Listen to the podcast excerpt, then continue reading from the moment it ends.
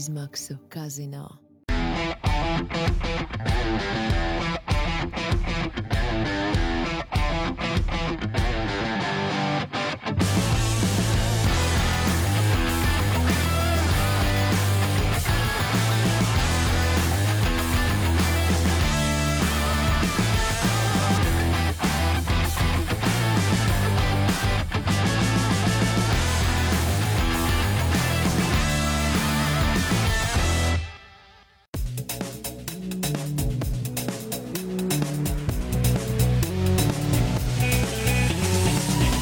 F1 LV podkāsts. Labdien visiem Formule 1 līdzjutējiem! Azerbaidžānas lielās balvas izcīņa bija tā, kas risinājās iepriekšējās nedēļas nogalē. Tā bija pirmā sprinta sacīkste šajā sezonā ar jaunu sprinta formātu. Tas, kā tas notika, vai mums tas patika vai nē, par to mēs arī šodien parunāsim. Parunāsim arī par to, kurš uzvarēja, kurš zaudēja, kurš palika Jaņos. Tas viss notika Azerbaidžānā un Baku ielu trasē. Sveiks, Jāni! Čau, čau visiem! Sen neredzēt! Jā, tieši tā pārtraukums mums bija diezgan pamatīgs. Un es kaut kā biju sarunājis, ka tās ir trīs nedēļas, bet tad, kad es paskatījos, ka iepriekšējais FNCLV podkāsts mums bija pašā, pašā marta, sā, ne, aprīļa sākumā, aprīļa sākumā, ja nemaldos, 3. aprīlis, un šodien ir 1. maija. Tas ir vesels mēnesis. Jā. Mēs veselu mēnesi neesam redzējušies. Mēs neesam, jā. Nu, es nezinu, vai es baigi noilgojos pēc tevis vai nē, bet kopumā baigi labi. Viņš tagad tā saka, kā viņš atnāca, viņš man ap kaklu krita. Jūs neredzējāt. Es nezinu, par ko tur runā. Jā, te vēl, vēl bija blūmkrāsa. Labi, sāksim.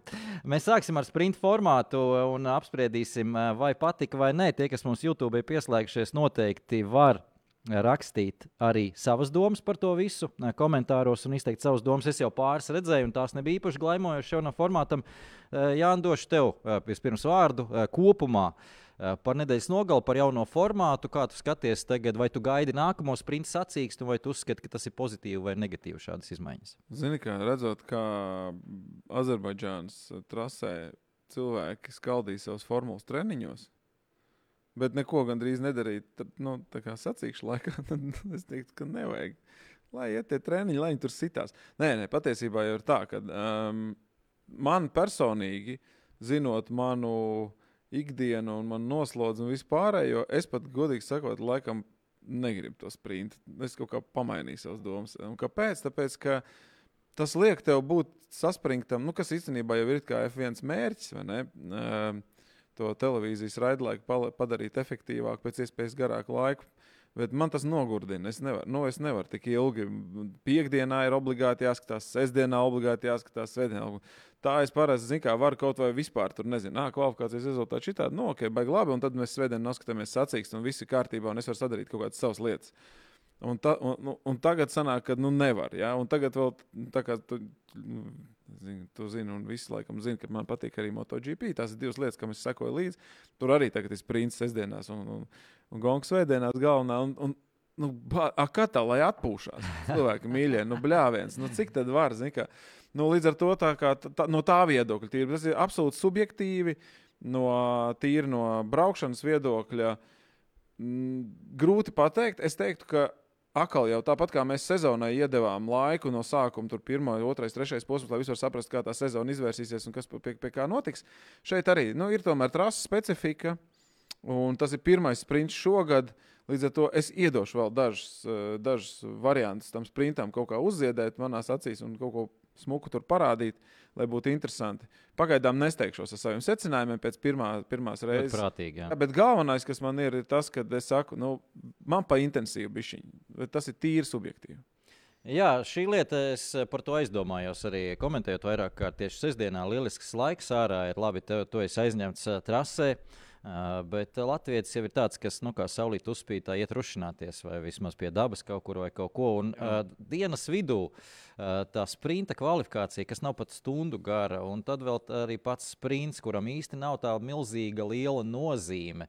Es tieši padomāju, ka tas varētu nelikt gluži cilvēkiem obligāti ieslēgt tos televizors vai vienalga viedierīces un skatīties un sekot līdzi, vienkārši paskatīties vakarā rezultātus. Un tad vēl nāk tieši tas, ko tu minēji, ka tā jau nav vienīgā izklaide. Mums ir jākonkurē, mums, es domāju, kā Formulē 1 ir jākonkurē nu, ne tikai ar MotoGP. Tajā dienā tur bija vecs, tur varēja skatīties, gal galā futbols ir uh, Premjerlīga, ko visi skatās, un, un tā tālāk. Tā joprojām nemaz nenāja par Latvijas futbolu un daudz citas izklaides.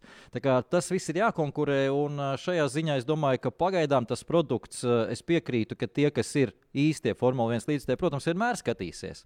Bet ne jau šobrīd uz viņiem strādā Liberty, lai, lai papildinātu savu, savu pulkus, lai līdzekļu pulkus papildinātu. Skaidrs, ka tie ir tie svētdienas skatītāji, kurus mēs gribam ievilināt visā nedēļas nogalē. Vai šis formāts būs tas, ar kuru to ievilinās, es nezinu. Bet mana, mana teiksim, tāda personīgā atzīme šim visam, es teiktu, ir mazdrusciņa pozitīva nekā negatīva. Un es pateikšu, kāpēc. Jo principā tā pilnīgi bezjēdzīgā rīta treniņa sesija ir atcelt. Tāda nenotiek vairs. Tā, tā ir laba lieta. Kvalifikācija pat par sevi, es teiktu, bija ļoti interesanta. Jā. Sprinta kvalifikācija, sevišķi pirmās divas kārtas. Es teiktu, ka trešajā kārtā vienkārši var pietikt ar piecām minūtēm. Nevajag pat astoņas, tur viens lidojošais aplis ar mīkstā. Bet tieši pirmās divas kārtas bija ļoti interesantas, jo uh, vidējais sastāvs nodrošināja iespēju braukt vienu, otru, trešo lidojošu apli. Visu laiku mainījās situācija, visu laiku gāja uz priekšu. Saspringums auga, auga, auga, un mēs uzzinām, kurš ir tālāk, kā otrajā, kā auga, auga, auga. Tas bija labi. Pats sprints. Uh, Nu, uh, sprints ir tāda mini-sacīkste, kas uh, beidzas tieši tajā brīdī, kad patiesībā interesantumam ir jāsākās. Jo Jā. Formula 1 ir uzbūvēta, nav uzbūvēta sprintam. Formula 1 gan tehniski, gan vispārējais ir uzbūvēts garām sacīkstēm, Jā. kur tev ir jāmaina riepas, kur tev ir jāiztur garas distances un tā tālāk. Līdz ar to, tajā brīdī, kad jāsāk bija mainīt riepas, tad beidzās sacīksts. Līdz ar to nu, tas, jā, tas ir Eh, tas es uzskatu nevisai, bet uh, galvenā lieta, kas mums jāatcerās, mēs šeit spriežam no skatītāja viedokļa, kas sēž mājās uh, un labā laikā ir spiests uz dīvāna sēdēt. Bet patiesībā tas viss ir domāts lielā mērā lai trases varētu atpelnīt to naudu, un viņām visās trīs dienās būtu ko piedāvāt cilvēkiem, kas ir samaksājuši ļoti lielu naudu par biļetēm. Jā, viņi uz vietas, es domāju, ka bauda tomēr. Es tev pilnīgi piekrītu no tā viedokļa. Noteikti vienīgais tas, kas ir jāņem vērā, tas ir zini, divas lietas. Uh, ja mēs runājam par trasi, viennozīmīgi nav, nav jautājumu. Uh, par, par, māju, nu, teiksim, par māju cilvēkiem, kas mājās skatās. Zini, kā, tev bija viegli varbūt pierunāt vai pieradināt ģimeni pie tā, ka tu teiksim, pavadi to svētdienu, tāpēc, ka ir Formula 1, tev jāsēž pie tevis. Tagad piestā, pie, pateikt, ka tu ir arī sestdiena. Sestdiena un svētdiena, tas ir viens. Jā. Un otrs, kas ir galvenais, ir, kā reizēm ir, ka tev, man liekas, bērnībā ar tā bija, bija šokolādīte, kur tev šausmīgi garšoja. Un tagad, kad viņi attēdies pa daudz, tev viņi vienā brīdī jau vairs negar. Nu, tā kā negribās viņu vairāk. Un vat, man bail, bišķiņ, ka nav tā, ka nu, tā, ka ir tik daudz jau tā, tās formulas tajās weekendos un tik daudz to posmu un visa, ka mēs vairs negaidīsim, ka nav tās satraukuma tāda. Ja?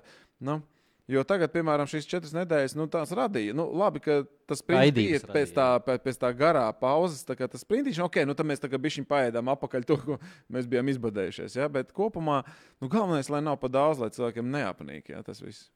Jā, nu, līdzīgi es kaut ko gribēju teikt par, par aizraujošām sacīkstēm, jo mēs, protams, runāsim par sacīkstu, par lielo sacīkstu, svētdienas sacīkstu. Tad uh, nebija viņa maģiska, aizraujoša, super un nepaliks kā viena no klasiskajām sacīkstēm. Vēsturē pilnīgi noteikti tas ir tā skaisti ietverts, nesakot, ka viņi bija garlaicīgi.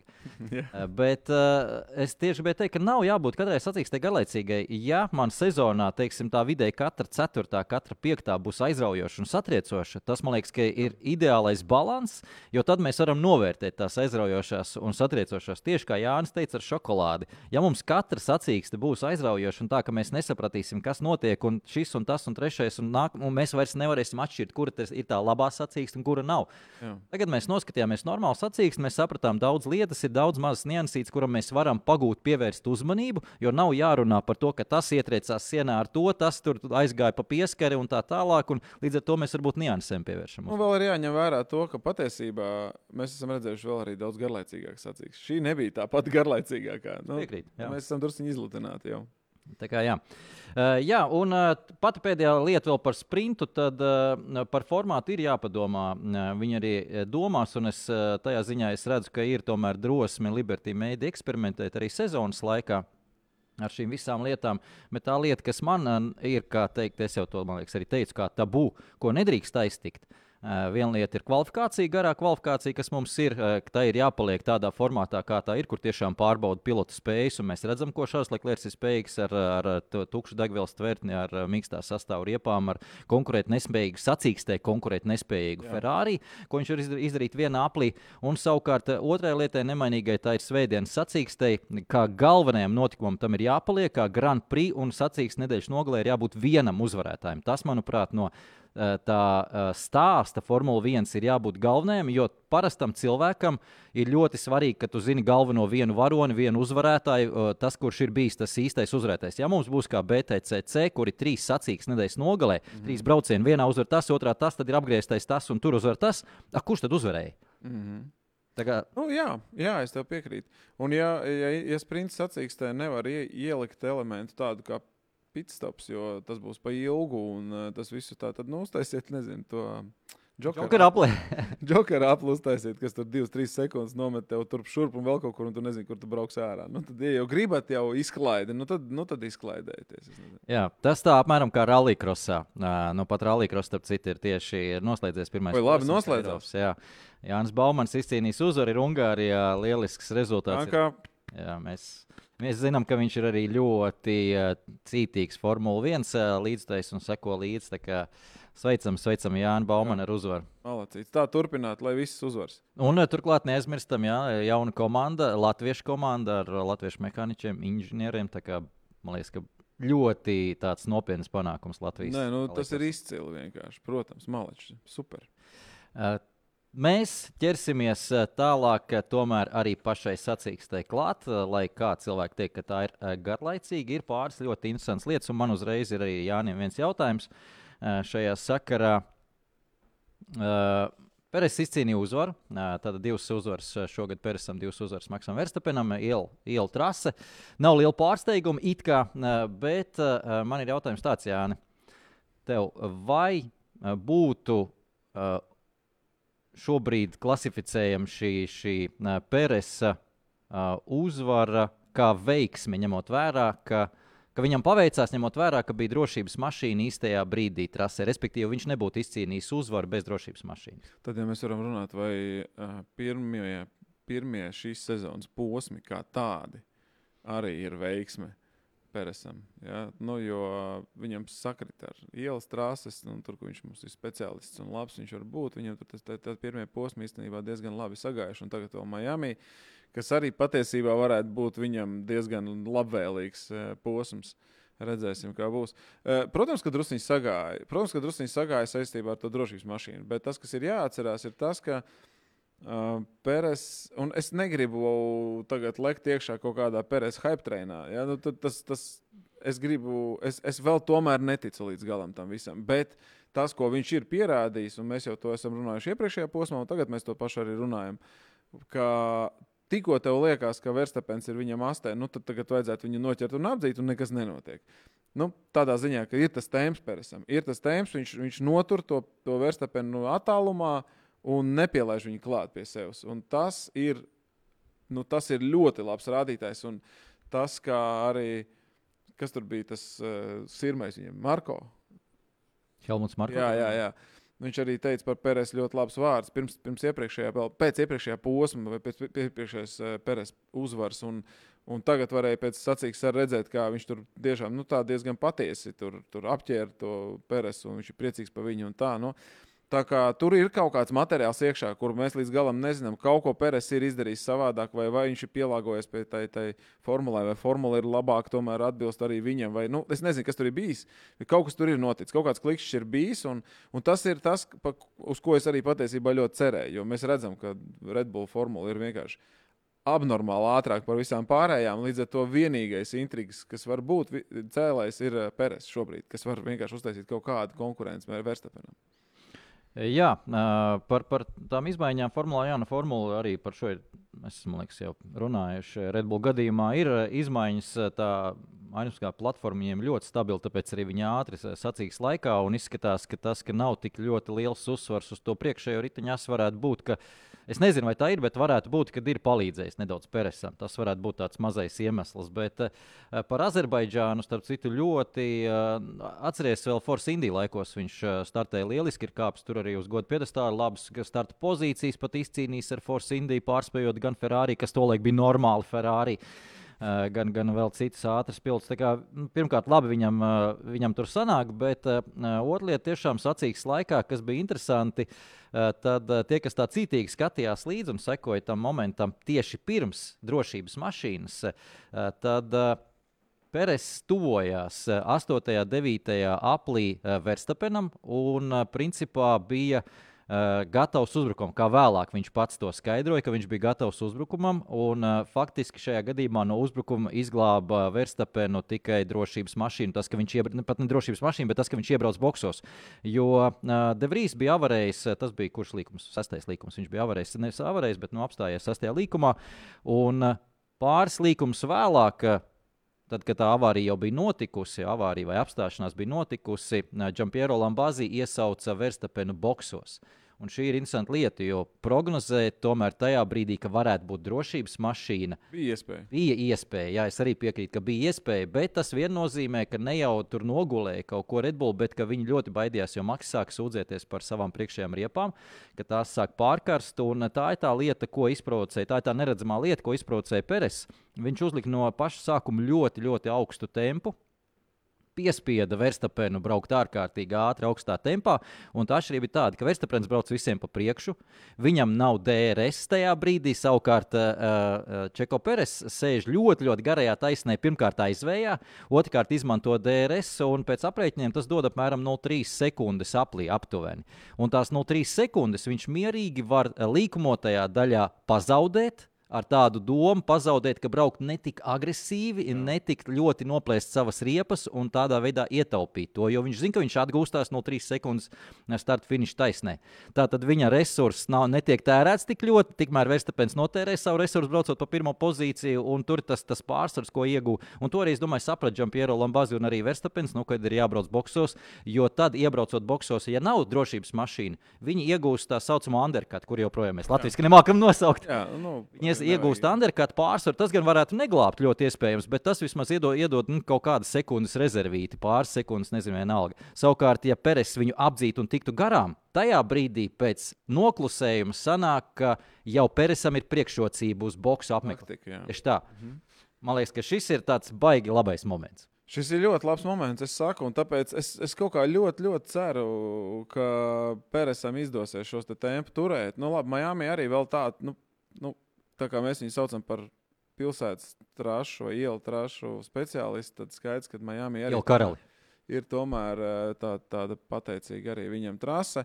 Paskatīsimies, kas notiks tādās klasiskajās trasēs ar eh, dziļām izskrejas eh, drošības zonām, kur viņš neskāpēc tik ātrs nav. Jocīgi, bet uh, var jau būt, ka tā nav. Varbūt šobrīd šogad tā ir tā tendence, ka varbūt tiešām būs tajā Redbullā šī cīņa par čempionu titulu. Es ļoti to gribētu. Es pagaidām tam neticu, bet es ļoti gribētu, lai tas būtu.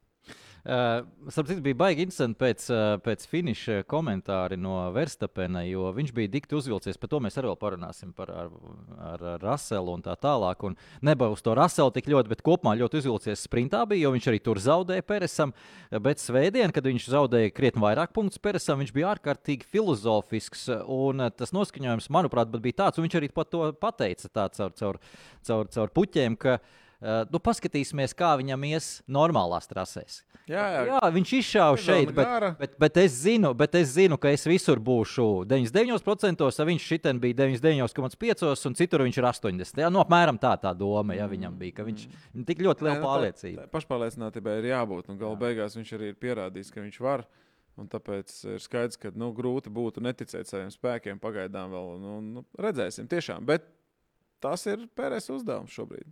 Uh, vēl viena lieta, uh, ļoti interesanta, arī niansīta. Arī to pats uh, Verstapens atzina intervijā pēc tam, kur viņš sakļūdījās sacīksts turpinājumā. Proti, kad atsākās sacīksts pēc drošības mašīnas, kur viņ, viņš bija zaudējis pozīciju arī Leclercam, uh, un viņš apzina Leclerc, kas bija nu, neizbēgami, godīgi sakot, tur, tur nebija variantu mm. daudz.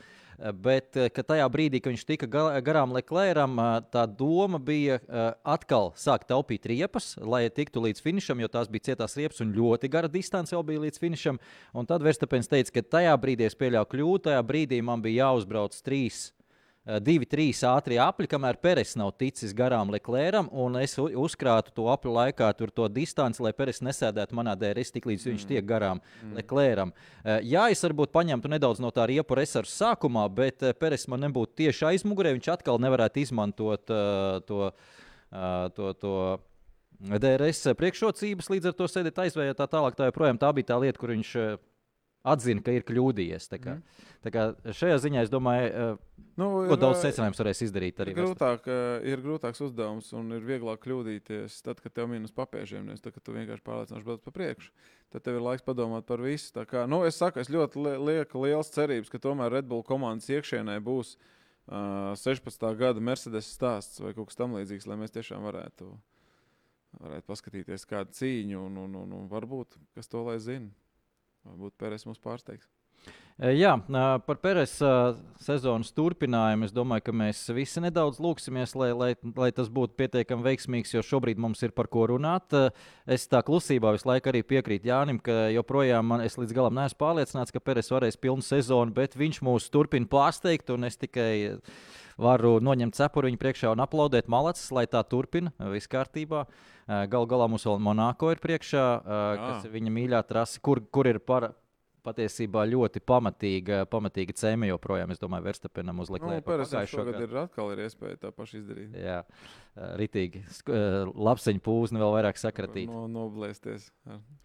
Bet neaizmirsīsim, ka nu, Monako reiz būs tā trase, kur uh, Red Bull visdrīzāk nebūs absolūtie favorīti, kā tas ir visās citās trasēs. Ja nu kāda trase pēc specifikas, un jo īpaši pēc uh, abrazivitātes vai tās trūkuma, pareizāk sakot, uh, ir uh, ļoti Red Bull komandai uh, neparocīga, tad tā ir Monako Monte Carlo iela trase. Es, es Monako vairāk uzliktu uz Alonso vai uz Hamiltonu. Jā, jā, tieši tā. Uh, labi, lai Peresam, uh, lai Peresam sanāk, iesim tālāk. Uh, mums, es domāju, ka ļoti interesanti būtu jāapskatās arī čempionāta kopvērtējums šobrīd, jo gal galā tur ļoti uzskatām ir redzams 15 punkti bija pirms šī posma, tas atstatums, ko zaudēja Peres Maksam Verstapenam. Un šobrīd ir palikuši 6 punkti. 9 punktus atspēlē Peres. Kā jau teicām, tad Verstapens bija ļoti nervozs par jau diviem zaudētajiem punktiem sestdien un uh, pazaudēto uzvaru sprintā. Tev vēl ātrāk vāpla Rasels atņēma viņam šajā posmā. Rasels, jā. Uh, Pārstarp citu ātrāko apli. Vai tu pamanīji pašā beigās, kā ātrākais aplis ceļoja? Te no Alonso, te pie Verstapena, te vienā brīdī pie Leclerca, nu pašā beigās Rasels viņu paņēma. Uh, Jo patiesībā tie divi puiši, Alonso un Leclerc, necentās ātrāko apli uzrādīt kā tādu, paņemt ātrāko apli, bet eh, gan eh, savā starpā duelējās par trešo vietu. Jo Alonso piebrauca sekundes attālumā uz pēdējiem apliem. Jā, jā nu tur bija jāspiež ārā viss, ko varēja. Tur nebija variantu. Jā, tas varbūt arī nedaudz fonā palika, jo tas, eh, protams, 20 eh, sekundes aiz līderiem eh, risinājās, un pēdējos apļos arī Vestapens bija atradis tos regulējumus, ko viņš meklēja visas sacīks garumā, un arī palika ātrāks. Tā kā varētu teikt, ka mums tā sacīks varbūt nedaudz par ātri beidzās vismaz dažiem pilotiem. Bet, jā, šar... Bet Šarls Leclerc teica pēc finiša uzreiz intervijā, ka es zinu, ko vecais labs Alonso dara parasti. Viņš sākumā ļoti piesardzīgs un atstāja visu uz beigām, to res resursu riepās. Un šoreiz es darīju to pašu, un par laimi Ferrari nenodeldēja tās riepas, kā tas bija citos posmos. Un Alonso tieši par šo arī bija pārsteigts, ka es biju pilnīgi pārliecināts, ka viņš lēns būs beigās. Tā teica Alonso, un nē, tomēr tas temps bija saglabājies. Bija. Nē, nu arī Ferrari ir tomēr kaut ko pielikuši, kaut ko ir uzlabojuši. Varbūt, protams, atkal jau mēs varam runāt tāpat kā par Mercedes, ka ir kaut kāds specifisks trases, kur tas strādā, kur nestrādā. Bet uh, kopumā man liekas, ka tomēr Ferrari kaut ko labi ir izdarījuši. To, ko es nesagaidīju, es nesagaidīju Mercedes. Visi baigi runāja, kad, kad viņi solīja to savu B, B mašīnu. Uz Imolu. Ah, nu labi, ok. Nu, bet... Šoreiz bija McLarenam. Nē, McLaren, starp citu, ļoti, ļoti lielu soli uz priekšu ir izdarījuši. Var jau būt, ka atkal jau tā ir specifika trasē, jā, paskatīsimies, kas būs Miami un tā tālāk. Bet, bet nu, jūtami nu, no, no pilnīgi P uz, uz, uz, uz ļoti labu trešo kvalifikāciju. es teiktu tā. Uh, Solis ir nereāli plats. Par, par McLaren mazliet vēlāk par, par uh, tu pieminēji Ferrari. Ferrari, kas ir interesanti, vienīgā komanda, kas neatveda vispār nekādas uzlabojumus. Nopietni, jā. Neko. Vispārējās komandas uh, McLaren saraksts bija vienkārši, nu, parasti ir tas PDF, un tā pa visām lapām McLaren bija pilns PDF. Parasti tur ir tā, ka trīs komandas vienā lapusē sajiet okay. Ok. ar tiem uzlabojumiem. McLaren aizņem visu vienu lapusi, vien paši. Uh, un uh, Ferrari neatveda neko, viņiem bija tikai pielāgots attiecīgi tas pats antispāns uh, konkrētai trasei, tātad pēc Melburnas. Okay, tas nozīmē, ka vienkārši viņiem derēja tā trasa labāk. Bet, jā, ko teica Leclerc, ka mēs neatvedām neko, bet tās, tās ir labas ziņas, jo mēs varējām mierīgi pastrādāt pie, paši, pie tās pašas mašīnas regulējumiem, un mēs tos regulējumus beidzot sakārtojām. Nevis uzmetam atkal uzlabojumus un atkal sākam visu no jauna un, un sapinamies meistarībā. Okay. Tā, kā, tā ir viena lieta, otra lieta, un to es arī iepriekš jau minēju, ka nu, šī nebija tā trase, kur vest uzlabojumus. Jā, četras nedēļas bija ko strādāt, bet jums ir viena treniņa sesija, kur tos uzlabojumus pārbaudīt, notestēt un saprast, vai viņi strādā, kā viņi strādā, kā ar viņiem, kā ar viņiem ir jāstrādā. Un turklāt tā treniņa sesija bija saraustīta, un tajā vēl jāpaspēj visas riepas notestēt, un viss pārējais, un vēl sarkanie karogi, un, un viss. Un tad uzreiz jau esi spiests jau ātrākos abus rādīt jā. Tā kā va- varbūt Ferrari pat uh, ir uh, izvilkuši pareizo, pareizo, es pat negribu teikt, loziņu, pareizo lēmumu ir pieņēmuši pārmaiņas pēc. Pārmaiņas pēc tieši tā. Un, un tad atcerieties, tu skaties īsto kvalifikāciju piekdienā. Jā, jā, jā, es skatījos visu. Un uh, tā piekdienā, vai tas tomēr bija sestdienā, tagad man sajūta, ka katrā ziņā tas moments, ka Ferrari, uh, no, man liekas, tas bija tomēr sestdienā, nogaidīja ilgāk par visiem pārējiem boxos, ka visi pārējie jau stāvēja boxu celiņā. Uh, tad izdomājuši, ka viņi tiks pie viena lieka, uh, lidojuša apli Ferrari, nogaidīja ilgāk. Un, un vienmēr tā doma ir tāda, tā, nu, ko jūs esat tagad palaiduši garām? Mm. Ko atkal jūs esat palaiduši garām? Kāpēc jūs neesat tur? Bet nē, nu, viņi uh, pilnīgi pret straumi gāja, absolūti. Uh, un uh, nu, gal galā man liekas, ka tā ir līderu īpašība, ka tu nedari tā kā visi. Jā, tā nav Ferrari. Tā nav Ferrari, tur, tāpēc es brīnos. Tāpēc, Pārsteigums. jā, tā ir tas pārsteigums. Jā. Bet tā viņiem būtu jāuzvedās. Tā viņi uzvedās uh, Mihaila Šumahera laikos, uh, Rosa Brauna laikos. Viņi negāja pakaļ kādam, neskrēja. Viņi, viņi bija līderi, viņiem gāja pakaļ. Līdz ar to, ja viņi atkal to filozofiju piekops un tā viņiem sanāks, nu tā ir uzvaru nesošā filozofija, bet jāmāk viņu iznest. Jācer, ka Fredijs tur kaut ko būs iemenedžējis. Jā, nu vai, vai tas ir eh, Fredija vai nē, tas, tas, ir, tas, tas vēl ir jautājums, eh, jo nu, tas, tas iekšējais. Iekšējais, kas uh, sācies šobrīd, nemieris ir uh, Ferrari, ir diezgan degradējošs. Diezgan daudz cilvēku ir aizgājuši. Mēs jau redzam tikai to aizberga virsotni patiesībā, bet uh, no viņiem ir nocopējuši. Arī McLaren šobrīd jau ir nocopējuši, kas agresīvi nolīdz par astonu nemaz nerunājot. Un tie jau ir tādi otrā, trešā līmeņa inženieri, kas, kas nu, nav galvenās zvaigznes, līdz ar to par viņiem arī nerunā, bet ļoti daudz. Un, ja tu paņem, protams, to galveno, kas ir tajā visā, to redz visi, bet ja tu izņem no tās zupiņas ārā visu gaļu, kas tur ir, nu, tad arī nekas tur šķidrs vien paliek. Kā, nu, tas tas bišķiņ rada bažas, manuprāt, tomēr. Jā, nu, bet tā nav mūsu problēma. Tā ir Fredija problēma. tā ir Fredija problēma. Tā viņš skraida un meklē. Uh, labi. Uh, par Alonso. Uh, es uh, čurēju biksēs par Alonso patiesībā. Jā, es esmu tāds Visu dzīvi. Visu dzīvi. Nē, nu nav tā, nav, tā nav. Es nepiekrītu visu dzīvi. Nē, bet, bet es tagad sāku. Es tagad sāku. Man laikam tie vecie veči Ir, patīk. ir, nē, viņš ir. Nu, Taylor Swiftu ir nocepējis, paklausies savos 40 gados. Pastāv. Alonso. Alonso ir ar Taylor. Šitos palaidis garām. Es tam Es, īsti. es, tev- es tev miljonus es teicu, es nelēmu privātajās dzīvēs. citu cilvēku. Pagaid, pagaid. Tas to nevarēja palaist garām, tāpēc ka Nu, es esmu palaidis garām. entākie uh, visi žurnālisti. Kas uzdeva jautājumus Alonso visas nedēļas nogalas garumā, uh, runāja ar Taylor Swift dziesmu vārdiem. Visu laiku vienkārši nu, tā, ka ne, lai ne, tieši neprasītu, nu, kā tev tur ar Taylor iet. Ir vienkārši visu laiku, es jau tos dziesmas, dziesmas pat nezinu, bet es šobrīd būšu iemācījies. Jo Nopietni. es to sāku nesapratu, ka, kas tas par murgu, ko tagad Bakstons tur runā. Bet tad, tad es iebraucu, kad, kad tur kaut kas notiek. Tur eh, parakstos bija rakstīts, apakšā bija rakstīts, jā, ka Taylor Swift dziesmas vārdi aiziet tur. Un Alonso smaida līdz ausīm, bet nu neko nepavalkās. Tur, Jā? Jā, jā. jā. Okay. Nē, es palaidu nu- garām. Jā. Es pir, nē, man pirmā dzirdēšana, godu vārds. Es saku, es, es, man, man tās lietas mazāk interesē, bet, uh, nu, forši. Nu, Nu, es nezinu, vai forši vai nē. Zini, kā sieviete var vīrieti pacelt un var arī nogremdēt. Tā kā redzēsim, kā būs. Nu, jā, nē, es esmu vairāk par to, ka nu, es nezinu, cik ir Taylor Swift vecs, bet nu, tā 40 viņai nav, man liekas. Ne? Tu man saki. Jā, nē, es. Nē, nu tā, es domāju, malacis, malacis Alonso. Nu, super, nu, paskaties, kā viņam iet. Tur neba, viņam nebija sievietes. Nebija viņam baigi daudz brīva laika. Es, es liekas, Mēs... Ko tik nevar četru nedēļu pauzē jā. Mēs, man liekas, esam iebraukuši ne savā lauciņā. Kāds izravējis zemes, kāds nocepēja Taylor Swift. Nu, okay, labi. Jā.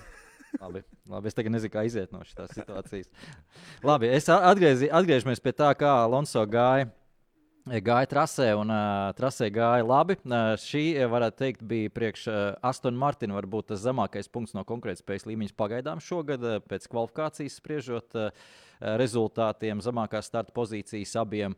Uh, bija problēmas ar DRS, kas arī bija citu ļoti īpatnēji. Vienā garajā taisnē DRS problēmas bija, otrajā taisnē nebija. Braucot uh, kvalifikācijā, tas spārns nevērās vaļā garajā taisnē, kā viņi paši skaidroja. Tad tur pamatīgas vibrācijas, kas ko pastiprināja vēl arī bedres garajā taisnē, un tas lielais spiediens pie tā maksimālā ātruma radīja kaut kādu vibrācijas rezonanci, pie kuras vairs nu, tas impulss nenostrādāja DRS. Viņš neatvērās vaļā. Savukārt, tad, kad piloti brauca aiz kāda aizmugurē, tur atkal cita tā gaisa plūsma, tad vērās viss kārtībā. Tā kā ļoti dīvaini, bet tas ir jāsa, jāsa, jāsalabo pilnīgi noteikti, jo nu, bez DRS mūsdienās, diemžēl, nu nekā. Mm. Jā. Un uh, pamanīja, kā ievilka kvalifikācijā desmitniekā savu komandas biedru. Jā, Olo- jā. Alonso. Ne, nu, patiesībā Alonso tāds ritīgais, tāds kaut kāds, nezinu, fāters. zini Kā, jo viņš ne tikai kvalifikācijā iedeva viņam to slipstrīmiņu, lai viņš varētu ievilkt tajā kvalī iekšā, tad viņš pēc tam sacīks, sacīks laikā stāstīja par to, kāds bremžu regulējums vajag viņam iedot. lai. Nu, forši. Nu, var redzēt, ka viņš neredz eh, strolā nekādu konkurenci šobrīd. Tieši tā, es tieši to pašu gribēju teikt. Ka it kā jau tas forši tevišķi un viss kārtībā, jā. bet ja Alonso kaut mirkli redzētu, ka Strauss ir nopietns pretinieks, Nekad viņam- nesagaidīt. tur no būtu kaut kas padoms. tāds būtu. Kreisie gājieni, kad, kad tik turies. Tā kā šeit, šeit jā, viņš eh, pilnīgi nesaredz tur Jā, jā. Pretinieki līdz ar to var tik eh, dāsnas būt ar saviem padomiem, vai tie padomi palīdz vai nē. Tā jau arī lieta. Tikpat labi, nu, uh, mēs jau nezinām. Varbūt Alonso baigi nospēlēja uz publiku, redz, kā es palīdzu tur uh, bosa puikam, bet uh, bosa puikam varbūt tas tā sapina galvu, ka viņš uh, sapinās meistarībā un viņš tieši pēc tam zaudē pozīciju, man liekas, ka Hamiltonam. Nu, grūti pateikt. Katrā Ielika- ziņā, katrā ziņā nekāda slikta nodoma. Es pieļauju, ka Alonso šajā gadījumā tiešām nebija. Es, pieļauju, es absolūti pieļauju, ka viņš neuzskata viņu par baigo konkurentu. Tāpēc arī viņš var padalīties ar informāciju. Uh, ļoti interesanti cīņa Alonso bija arī atkal ar uh, Hamiltonu mazais duelīts. Var jau būt, ka mēs pārspīlējam, pārspīlēt uz to skatāmies un izravējam tos, tos momentus un tās mazās lietiņas, bet manuprāt, tomēr tie puiši īpaši skatās viens uz otru. Tieši tāpat kā Verstapens skatās īpaši uz Luisu Hamiltonu un Hamiltonu apdzīšanu vai ham, apdzīšanu no Hamiltona puses. Tieši tāpat arī ar Alonso ar Hamiltonu. Nu, tās vecās rētas viņiem tur nav sadzījušas. Vecās rētas vai nē, es, es gan vairāk teiktu tā, ka drīzāk Alonso ar Hamiltonu es varētu salīdzināt kā Verstapenu ar Leclerc. Respektīvi, ka ir kaut kādas tās paudzes piloti, kur ir abi ir ātri, un viņiem ir savā starpā kaut kāda cieņa, bet arī kaut kāda tā, nu, cīņa. Ja? Līdz ar to es teiktu, ka tie ir superīgi dueļi divi. Kā Verstapens ar Leclerc māca močīties tur pa to trasu, tā arī kā, kā Hamiltons ar, ar, ar Alonso. Un tas, tas ir fēni. Tas, tas ir, tas ir tas, tās, tā, tie, tie ķirsīši uz kūciņas. Uh, jā, uh, Alonso līdz trešajai pozīcijai netika kā pirmo reizi šogad bez goda piedestāla, bet uh, vienu sekundi tikai aizmugurē, un kā pats Alonso, starp citu, pēc finiša arī teica, tad tas apjoms informācijas, ko mēs uzzinājām šīs sacīs laikā, dzenoties pakaļ uh, teik, tam goda piedestālam, kā var strādāt ar mašīnu un regulējumiem un tā tālāk.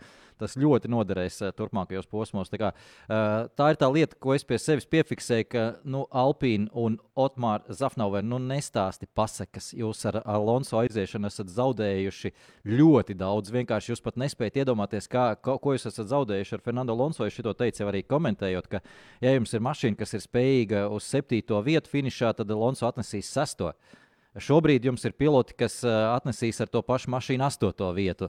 Tā kā, nu, Tur, tur ir tā atšķirība. Nav jau slikti. Es nesaku, ka ir slikts Okons un, un Gazlī, bet viņi nav Alonso dziļuma piloti. Nu, mēs redzam Alpīnu rezultātu šodien. Jā. Par Alpīnu vispār būtu Laikam uh, traki runāt šobrīd, jo Alpīna atveda ļoti daudz uzlabojumus uz šo posmu. Viņam saraksts bija ļoti garš, bet, ja mēs paskatāmies, kas ar viņiem notika, nu, es pat neesmu vairāk tā, tādus momentus redzējis, ka viena komanda nedēļas nogales uh, gaitā tik ļoti sapinas. Un, tā, un pat, es pat teiktu, ka tie, tas ugunsgrēks, kas bija Gazlī un tie, tie lielie notikumi, kurš starts no Okonam, no, no, no, no boxe celiņa.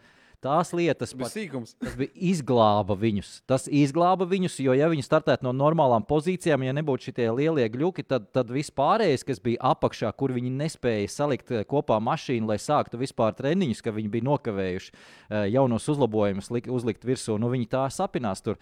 Un eh, šajā ziņā es domāju, viņiem jāpadomā, jā, kā, kā izmainīt to situāciju. Viņi grib ļoti daudz, bet tāds sajūta, ka viņiem pa daudz tā šķīvi ir. Jā, nu pagaidām neizskatās labi. Jo tā komanda it kā bija ar tādu progresīvu līkni, visu laiku uz augšu, uz augšu, uz augšu. Gājušajā gadā jau īpaši, jā.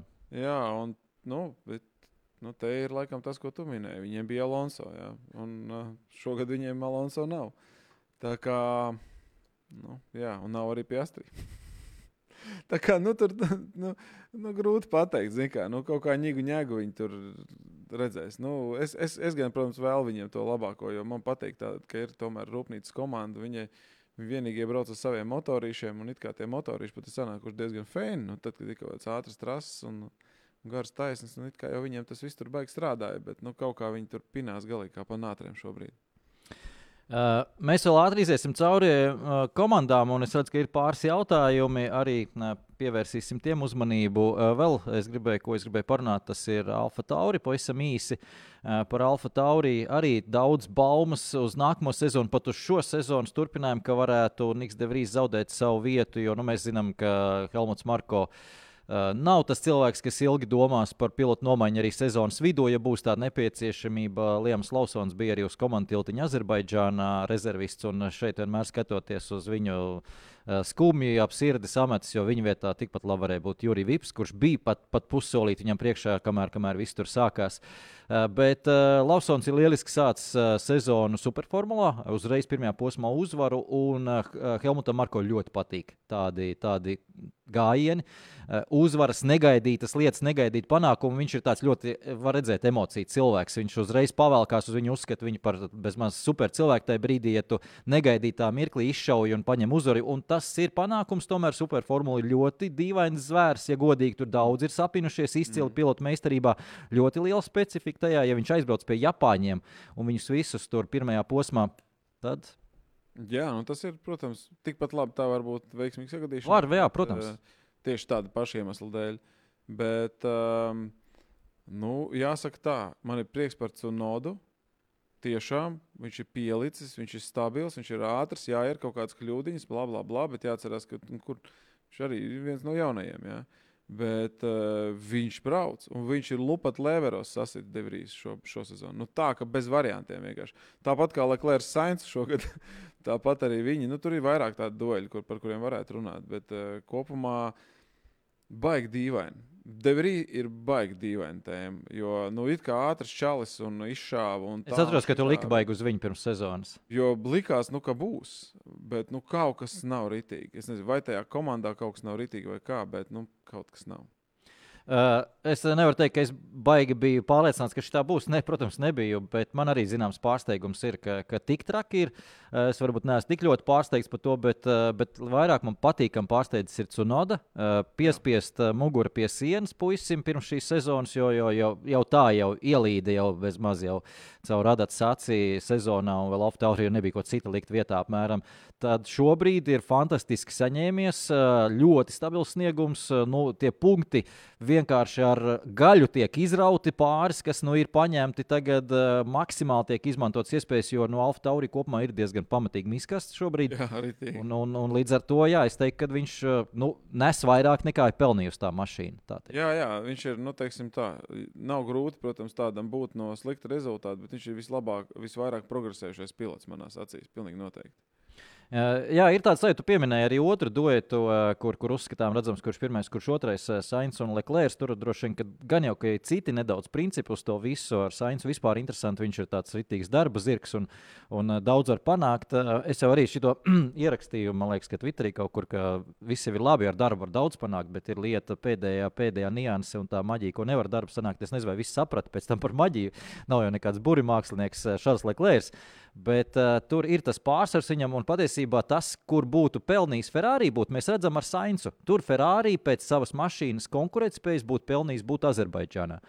Sainz uh, ar to Ferrari, ne, es negribu teikt, ka mocījās, bet pilnīgi noteikti sastapās ar visiem tiem ierobežojumiem. Nervoza ir tā formula, cik ļoti grūti iela trasē. Līdz ar to tev ir izbraukt tos līkumus, ka tu neesi pārliecināts, kā viņi uzvedīsies bremžēs, bremzēšanas uh, zonā, līkuma apiksā un tā tālāk. Līdz ar to tu nedaudz esi piesardzīgāks, jo tur ir barjera. Tur nav tā, ka tev pieļaus to kļūt. Tur viss būs beidzies.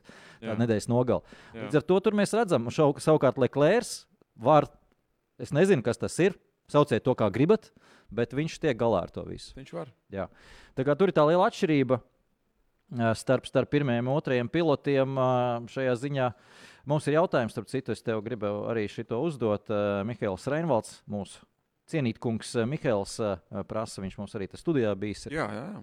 Uh, tā, vīri, prieks atkal satikties. Kāda ir varbūtība, ka Čeko izcīnot titulu, rīkosies līdzīgi Rosbergam, beigs pilota karjeru ar asteskaulu jūtu, bet asteskauls man ir ļoti jūtīgs. es pirmā brīdī nesapratu, kas ir asteskauls. Okay, sapratu, jā. jā. Uh, No. nu, godīgi, Jāni. tas būtu skaisti. Ka beidz karjeru?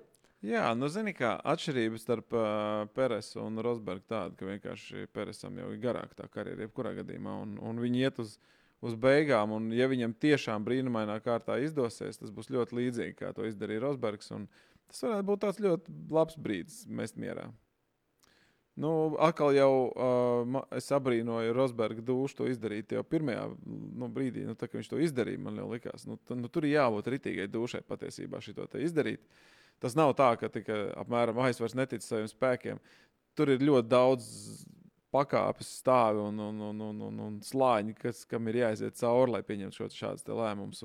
Tas nav tik viennozīmīgi. Un tāpēc uh, abrīnoju tādā ziņā Rosbergu. Un, uh, es pieļauju, ka Čeko tā varētu izdarīt, un tas pat izklausītos vai izskatītos daudz harmoniskāk un nu, jēgpilnāk nekā to izdarīja Rosbergs. Varbūt tā var teikt. Jā, Rosbergs, es domāju, ka savā ziņā ļoti atšķirīgs personāžs. Arī tas, kā, kādos apstākļos viņš ir uzaudzis. Viņš sev ir izvirzījis ļoti konkrētu mērķi, uz to nenormāli strādājis un nenormāli daudz upurējis. Un tajā brīdī, kad viņš to mērķi sasniedz, nu, viņam nav nenormāls izsalkums vairs. Viņš ir savu, savu panācis, un tāpēc es domāju, ka turpat, ja tā iedziļinās, manuprāt, nav liels pārsteigums. Savukārt par Čeko man vismaz personīgi ir aizdoma, ka tā nenotiks tā iemesla dēļ, ka viņš ir meksikānis. Un viņi ļoti sērfo uz savām emocijām. Tajā brīdī, kad tu esi virsotnē, nu, viņam liksies, ka es varu vēl, es varu vēl labāk, es varu vēl vairāk, man vajag vēl. eh, Jo nu, viņam ir izsalkums bijis visu uh, bērnību. Viņš ir tomēr uzaugusi arī uh, trūkumā, atšķirībā no tā paša Rosberga. Un, un tiem cilvēkiem kaut kur iet līdzi tas, ka kaut kur nepietiek, kaut kur ir Vai nebūs, uh, vai nav tomēr nepastāv varbūtība tādiem dīvainiem notikumiem, kas bija Formulas 1 vēsturē, kā piemēram Mansels, kurš paņēma čempionu titulu un pēc tam palika bez, bez vietas komandā. Jā. Nu, Jā, vēl, vēl trakāk. jā, tā arī var būt. Jā, protams, tā arī var būt. prot, Tā arī vēl var sanākt. Jā, ļoti labi. Uh, Tā, nē, kas mums parunājums par uh, McLaren? Mēs sākām runāt, tu sāki runāt. Es domāju, ka ir McLaren pelnījuši pāris vārdiņus, jo McLaren komanda šajā posmā atveda pamatīgs, kā jūs teicat, uzlabojumus. Mašīnas grīda, tas, kas ir zem grīdas un nav redzams, tas bija visvairāk, acīm redzot, visus interesē, bet nu, to McLaren nevienā brīdī tā nepacēla. Neviens krāns uz augšu, lai mēs varētu apskatīties, uh, kas tur ir apakšā, bet tas ir pats interesantākais šobrīd. Uh, Taču progress viennozīmīgi ir, un kā teica Andrejas Stela, uh, tad uh, tas ir tikai pirmais solis no četriem tādiem lieliem, ka līdz pat septembrim viņi ir izplānoti četri šādu uzlabojumu, uzlabojumu paketes. Un, uh, tas plāns uh, bija sākotnēji top 4 atgriezties uz septembrī. Šobrīd viņi piekuriģējuši uz top 5, jo nebija gaidīts, ka Aston Martin tā uzliks. Nu, ka, nu, protams, tas, tas jā. tomēr ir uh, mērķi, ir bijis jāpiekuriģē. Bet nu, šo, eh, sākumā mm, izklausījās, ha, ha, ha, nu, nopietni. Nu, nu, šo, jo viņi bija baigā pēc. jā, bet nu, šobrīd es, es teiktu, ka vairs smiekli nenāk. Jā, jā, es domāju, ka viņi noperformēja krietni labāk nekā Alpīna un tā tālāk. Ja? Tā kā viņiem ir iespējas, es domāju, ka viņiem ir iespējas, ja tā tiešām uh, atkal jau tas nav tāds vienas trāsas brīnums, tad um, es teiktu, ka būs baigi, baigi ok. Jo viņi ir pielikuši arī, jo šeit vajadzēja to topu ātrumu, un viņiem tas topu ātrums arī bija liela problēma pirmajos, uh, pirmajos uh, sezonas posmos. Un, ja viņš šeit ir, uh, nu, tas ir krūti. Mēs neparunājām vēl par Verstapenu un Džordža incidentu sestdien. Pavisam īsi es izstāstīšu kontekstu, tad Jānis varēs no pilota viedokļa šo pašu incidentu apstāstīt un izskaidrot. Tad atcerieties, ka starts nebija īpaši veiksmīgs. Sāksim ar to Maksam Verstapenam sprintā un sākās cīņa. Tas bija otrais un uh, trešais līkums. Nu, principā sākās jau pirmajā, bet otrajā, trešajā bija tā, tā pamatīgā uh, klape uh, ar uh, Raselu. Un Rasels visdrīzāk arī apzinoties, nu, ka viņam nav tik ātra mašīna sacīks laikā, viņš nevarēs pacīnīties ar tempā ar uh, Red Bull sajūtu iespēju, uh, iebrauc iekšmalā. Uh, Augstas riepas, protams, jau nedaudz, nedaudz nepietiekamas pagriežamības, bet nu, tur nebija šausmas. Tur nebija tā, ka izslīdēja mežonīgi. Varbūt nedaudz ieslīdēja Rosbergam uh, grīdā. Verstapenam, Rosberg, tagad viss. Uh, Verstapenam uh, nedaudz grīdā un Sāna Pontonā izsitot mazu caurumu. Uh, pats Verstapens tajā laikā uh, atradās līkuma ārmalā. Uh, nepadevās, teiksim tā, turēja to ārmālu līdz galam un, nu, principā, ar to arī samaksāja ar šo sadursmi. Es pat tā gribētu teikt. Kā tu uz to skaties? Mm, viss bija normāli. Tur nebija nekā pārmērīgi traka. Uh, starp pilotiem, nu, vismaz cik es esmu braucis, vienmēr ir tā, ka, ja tu gribi noturēties ārmalā, tad uzņemies to risku noturēties ārmalā. Nu, tā tas ir vienkārši. Jo parasti tas, kas ir iekšā, tas ir viņa līkums. Ja tu gribi noturēties ārmalā, tev ir jānoturās ļoti tuvu, ļoti blakām. Tu nedrīkst iedot tā, lai viņam pat maziņš degungals būtu tev priekšā. Uh, Un tad tu teorētiski vari cerēt, ka viņš tev atstās izējā kaut kādu vietu. Citādāk, nu, pat pasties, kā Verstapens pēc tam, pēc, pēc kāda brīža apzina kaut ko tur, un tāpat un uzreiz izgāja līdz pašai ārmalē ārā. Ja? Nu, ne, nu, var noturēties, un manā karjerā arī bijuši gadījumi, kad ir čaļi, kuri nu, nu, super no, noturās to ārmalu, notur, un mēs cīnāmies vēl 3-4 līkumus uz priekšu, vai nebalnīgi blakām braucot. Tur jābūt savstarpēji, protams, ļoti, ļoti lielai uzticēšanās, nu, ka tas otrs arī ir spējīgs izdarīt to, ko tu vari izdarīt. Bet, jebkurā gadījumā, nu, tie, kas paliek ārmalā, tie uzņemās to risku. Un viss nu, tā gadījās, un tur kaut ko čīkstēt, tas ir, nu, tas ir fufels. Uh, jā, par to čīkstēšanu, uh, protams, kā vienmēr cilvēki jau pārspīlē un pa daudz tam visam lec, bet šajā gadījumā es arī piekritīšu, ka Verstapens zinot to, ka viņš ir ir ieviesis agresivitāti un agresīvu braukšanu lekšanu iekšmalā. Formulā 1, es teiktu, tā, tādā pārākā līmenī vismaz. Tad eh, nu, viņam jau nu, vajadzēja saprast, ka tagad pret viņu vienkārši ar viņa ieročiem kāds ir nostrādājis. Un, un tur nebija nekas tik šausmīgs. Nebija, nebija, tur nebija netīri, tur nebija nekā tāda. Nu, labi, es, man tur pierakstu, kā Džordžs Fanu vai vēl kaut ko tamlīdzīgu. Man liekas, bija normāla cīņa. Nu, sasitās, sasitās, nu, bišķiņi. Kā, abi turpināja braukt, viss kārtībā. Jā, Džordžs vēlāk komentēja, interesanti, ka mēs jau kopš astoņu gadu vecuma kartingā zinām šo lietu. Ja kāds ir ielicis eh, iekšmalā tev un eh, ticis tajā līkumā tev blakām, tas nozīmē, ka, ja tu paliec ārmalā, tas ir uz tavu risku. Un eh, visdrīzāk tu būsi zaudētājos. Un tā otra lieta, kas šajā konkrētajā gadījumā man krietni vairāk pārsteidz, tas labi, tur viņš adrenalīns uz, uz, uzšāva pēc tā uh, pēc tā finiša, un tur viņš var, var, var tur nolamāties. Viņš nolamāja tur. tur Raselu, bet uh, par to, ka viņš sacīkstes laikā nerēķina līdzi uh, riskus, teiksim, uh, nu, kā Lūsis Hamiltons ļoti izteikti pāris sezonas bija, kur šādās situācijās ar to pašu Verstapenu viņš rēķināja risku. Viņš zināja, ka viņam ir ātrāka formula un viņš ļoti bieži atkāpās. Tieši identiskās situācijās man nevajag to ārmalu, ja tu esi ielicis tik agresīvi iekšmalā. Es zinu, ka es pēc apļa diviem, trim ar ātrāku formulu tajā un tajā vietā, tajā un tajā taisnē tev tikšu miermīlīgi garām. Man šobrīd nevajag pa visām varītēm noturēties. Tā kā uh, upurē šo, šo kauju, lai pēc tam uh, lielajā karā uzvarētu. Es domāju, ka problēma ir tajā, vai, nu, vai tā ir problēma, vai situācija ir tajā, ka vienkārši Verstapens no visiem, uz visiem skatās no otrā stāva. Un, šeit ir tas gadījums, ka, apmēram, nu, ko tu te salašņi man te kraties pa sānu, zini, kā es tev devu ātri tikšu tev galā un aizbraukšu projām. Tur, nu, viņš vis, uz visiem, viņ, jūs visi esat lēnāki, tāpēc es braukšu kā es gribu, un tāpat es jūs apdzīšu, un tāpēc arī viņš tur lien iekšā un dara šīs visas lietas. Es domāju, ka tur tā, varbūt kaut kādos brīžos pārāk liela pašpārliecinātība par lietām. Jā. Nu, kādreiz tas iekodīs, kādreiz nē. Tu esi tik, tik ļoti skarbi noskaņots pret Verstapenu. Es neesmu skarbi noskaņots. Es, do, es nesaku, ka tā ir slikta lieta. Ja? Es nesaku, ka tā arī slikta lieta. Es saku, vienkārši tas ir tas iemesls. Tā pašpārliecinātība, viņam ir iemesls būt pašpārliecinātam. Tur viss ir kārtībā. Viņam ir ātrākā formula, viņš ir ātrs čels, tur viss ir kārtībā.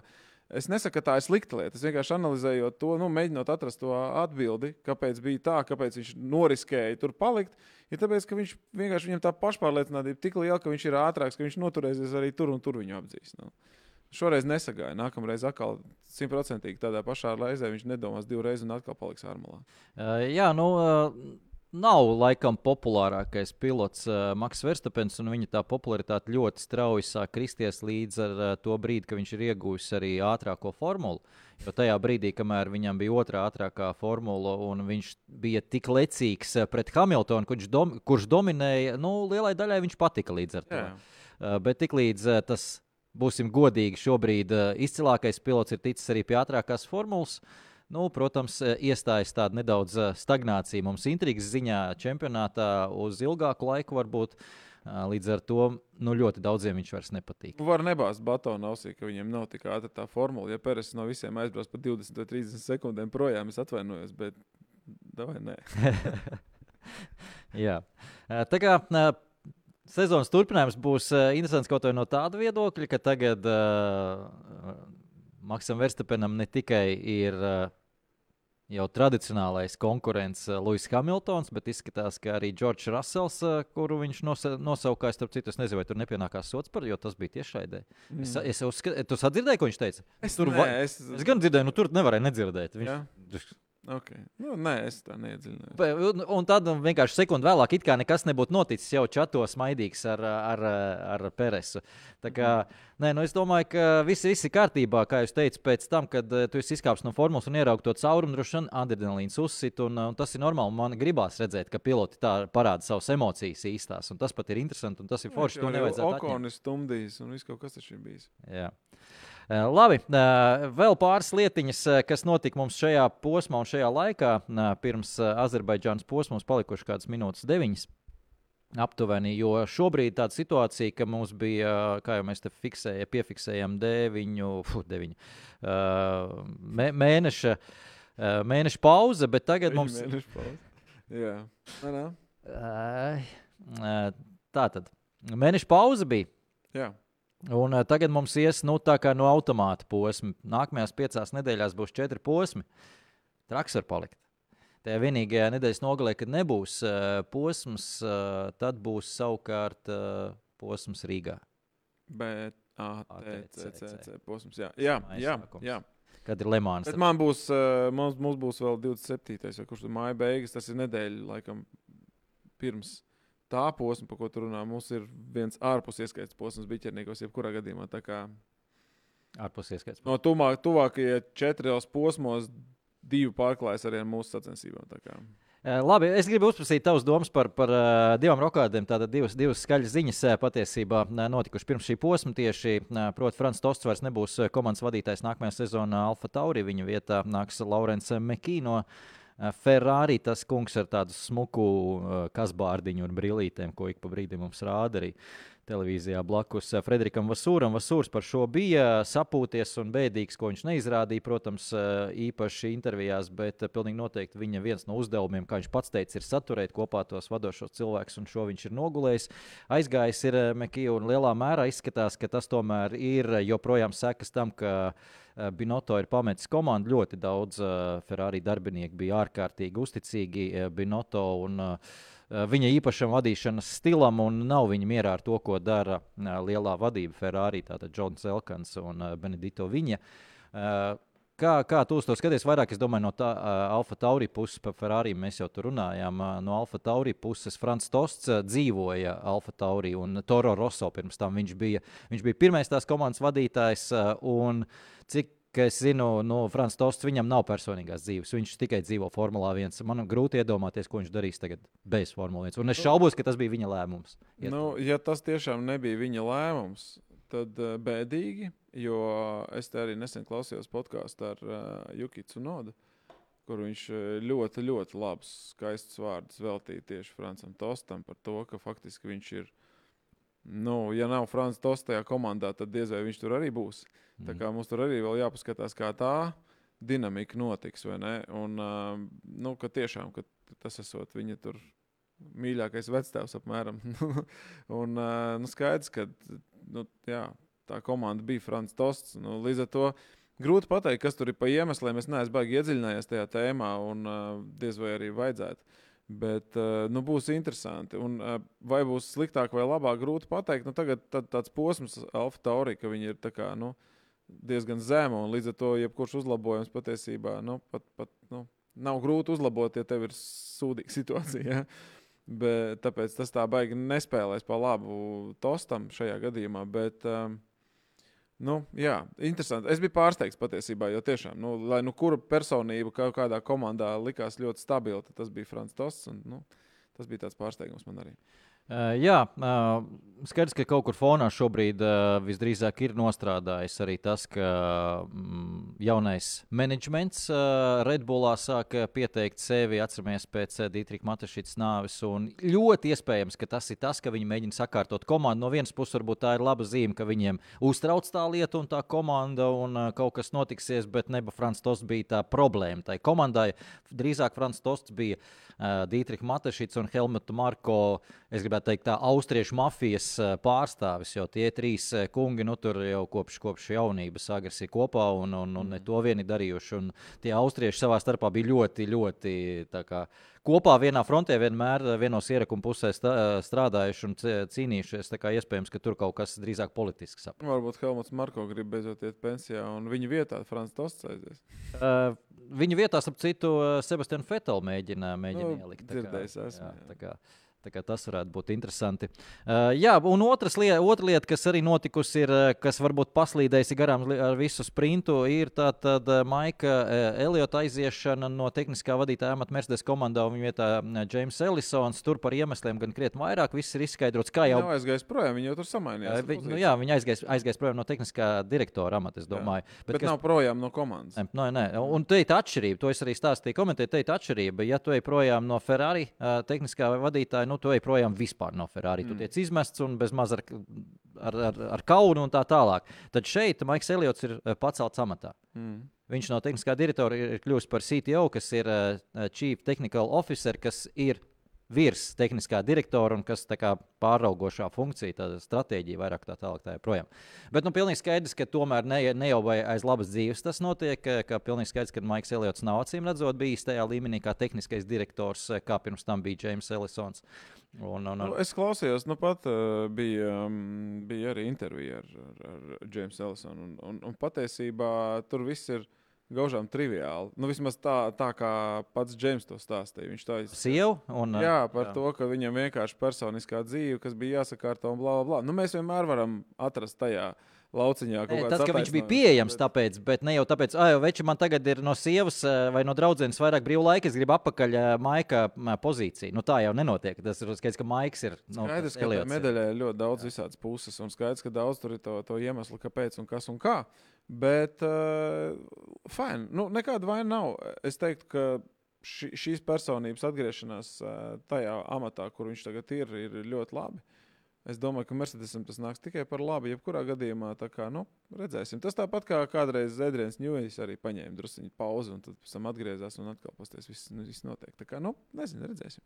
Jā, ļoti izsaucis līdz ar to ir uh, Elsons. Tieši tā Jānis uh, pareizi teica, tur, tur pauzīt. Uh, Sieva patiesībā viņam uh, nomira savulaik. Viņš atgriezās no Ferrari atpakaļ uz uh, Lielbritāniju, dēļ tā, lai tu būtu tuvāk saviem bērniem. Līdz ar to pārcēlās uz Mercedes. Un tas bija starp citu brīdis, kad Ferrari sāk kāpt augšā, kopš viņš tur bija ieradies. Uh, Alonso laika pēdējie un pirmie Sebastiana Fetela gadi.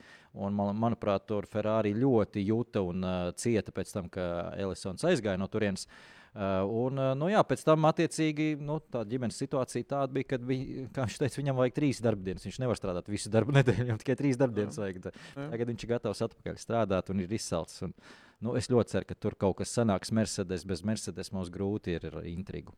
Nu, grūti gan. Diemžēl, jā, tur tāda Nu, jācer, protams, uz Astonu Martinu. Viņiem arī viss tikai vēl uz augšu, jo vēl joprojām viņi strādā no vecās rūpnīcas, jaunā vēl nemaz nav palaista. Nu, kaut gan es dzirdēju, ka ir jau, jau, jau kaut kādas lietas pārnes. Tā, kaut ko es dzirdēju par to lietu. Tā kā es te, bija ļoti labs podkāsts tagad arī par to tehnisko direktoru. Viņu. Bet, eh, jebkurā gadījumā, tur vēl, es domāju, ka Astons Martins ies tikai uz augšu. Tas nozīmē, ka Mercedes šobrīd nedrīkst žāvāties vispār necik. E, jā, Aston Martin, nu, mums tūlīt arī jābeidz. Ir te, ja tu piemini Aston Martin, pavisam īsa īs lieta par Aston Martin. Aston Martin tiešām, kā teica Jānis, nu, jaunā, jaunā fabrika, jaunā rūpnīca vēl īsti palaista nav. Nekādi jaunie instrumenti palaista nav, strādā ar vecajām iekārtām, visu, un viņi panākuši šādu rezultātu, uz ko viņi cerēja labākajā gadījumā vēl pēc gada tikai. Un turklāt viņi ir to izdarījuši ar tādu pašu mašīnas aizmuguri, kā ir Mercedes jā, komandai. Jā, jo viņiem ir tas pats dzinējs, atomkārba un aizmugurē piekara. Jā, viss transmisijas sistēma un uh, Alonso, kā vienmēr, uh, atceries savulē, kā viņš kritizēja McLaren komandu, ka brauc tajā komandā, ka viss te ir slikti un Grand Prix divi dzinējs, mums ir Honda dzinējs. Tad šoreiz viņš pateica kaut ko līdzīgu. Uh, proti, ka ja nebūtu tā aizmugure mums, mēs arī varētu difuzoru uztaisīt nopietnāku un normālāku, kā ir Redbullam, bet aizmugure, ka šajā gadījumā transmisijas sistēma to neļauj darīt. Aston Martin. Mm -hmm. Mm -hmm. Tagad tā, labi. Es domāju, ka mēs esam izrāvuši cauri vienā elpas vilcienā to, kas jā. notika. Jā, mēs neparunājam ne par Hāzi, ne par Viljams, bet nu, pa lielu visiem nebija arī baigi daudz ko pateikt. Jā. Jā. Mēs tiksimies pēc nedēļas, jau pēc Miami lielās balss izcīņas posma. Tātad būs vēl nogurā, nogurušāks nekā šodien, jo mums ir arī posms. Jā, tas viss notiks turklāt pa naktīm. Jep. Miami ļoti vēls sacīks. Nu, no vienas puses, labi, ne, netērēsim dienas saulē no laiku un varbūt varēsim pastrādāt, bet vakarā tiekamies pie televīzijas ekrāniem, un no rīta pirmdienā, kā jau ierasts, eh, pirms 11. tiekamies šeit, FNCLV podkāstā. Paldies! Atā! Atā.